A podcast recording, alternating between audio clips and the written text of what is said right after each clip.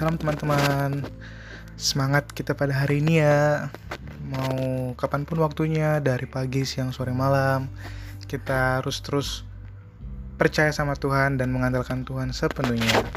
So aku mau bacain uh, Buat renungan pada hari ini.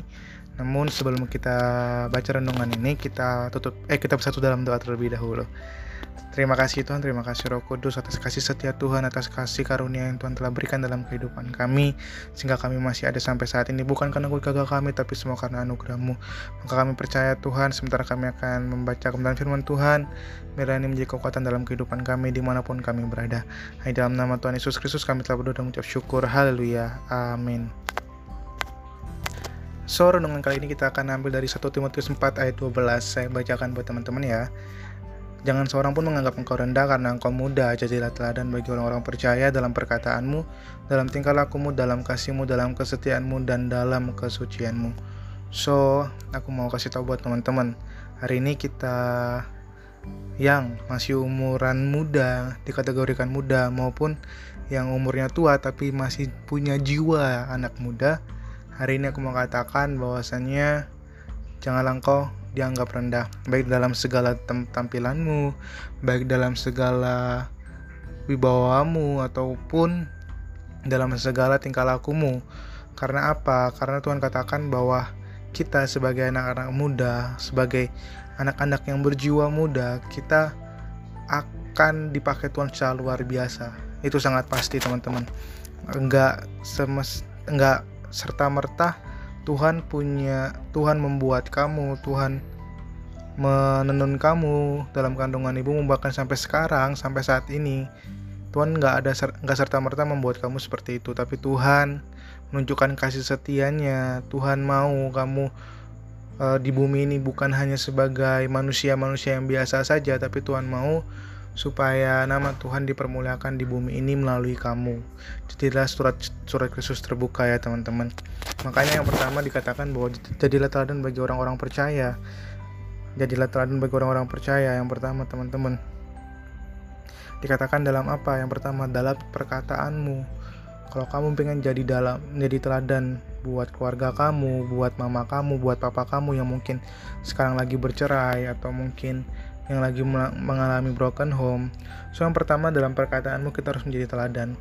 Gunakanlah perkataan-perkataan yang membangun, perkataan-perkataan yang uh, menguatkan, dan jangan menggunakan mulut bibirmu untuk mengatakan perkataan-perkataan yang tidak semestinya atau yang sembrono, yang asal cepat-ceplos saja. Dan itulah yang menjadikan kita sebagai teladan. Dan ketika kita jadi teladan dalam perkataan kita, maka seorang pun tidak akan menganggap rendah terhadap diri kita. Yang kedua, dalam tingkah lakumu, dalam setiap aspek kehidupanmu, orang-orang lain melihat. Dan Tuhan katakan bahwasannya orang lain itu dilihat dari buahnya, kitab dari Injil dikatakan seperti itu.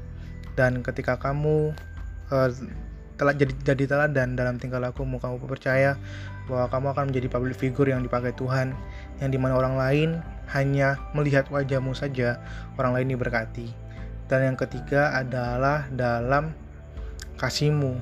Teman-teman jadilah teladan dalam kasihmu artinya kita menjadi teladan dan menjadi dampak bagi orang sekitar kita. Bagaimana Tuhan pengen mau pakai kamu ketika kamu tidak mau mengasihi orang lain bagaimana Tuhan pengen memakai kamu tapi kamunya sendiri menutup diri untuk mengasihi kepada sesama. Maka dari itu yang keempat yang ketiga adalah dalam kasihmu. Jadilah teladan dalam kasihmu. Jangan pamrih jangan minta-minta sama orang lain tapi berilah yang terbaik. Selagi engkau bisa beri tidak berbicara tentang uang tetapi juga jasa atau mungkin tenaga kamu ingin diperlukan orang lain atau waktu kamu ketika kamu diperlukan orang lain jadilah teladan dalam kasihmu. Berilah yang bisa kamu beri pakailah apa yang kamu bisa. Dan yang keempat adalah dalam kesetiaanmu. Kesetiaanmu berbicara tentang uh, bahwa hidupmu setia sama Tuhan.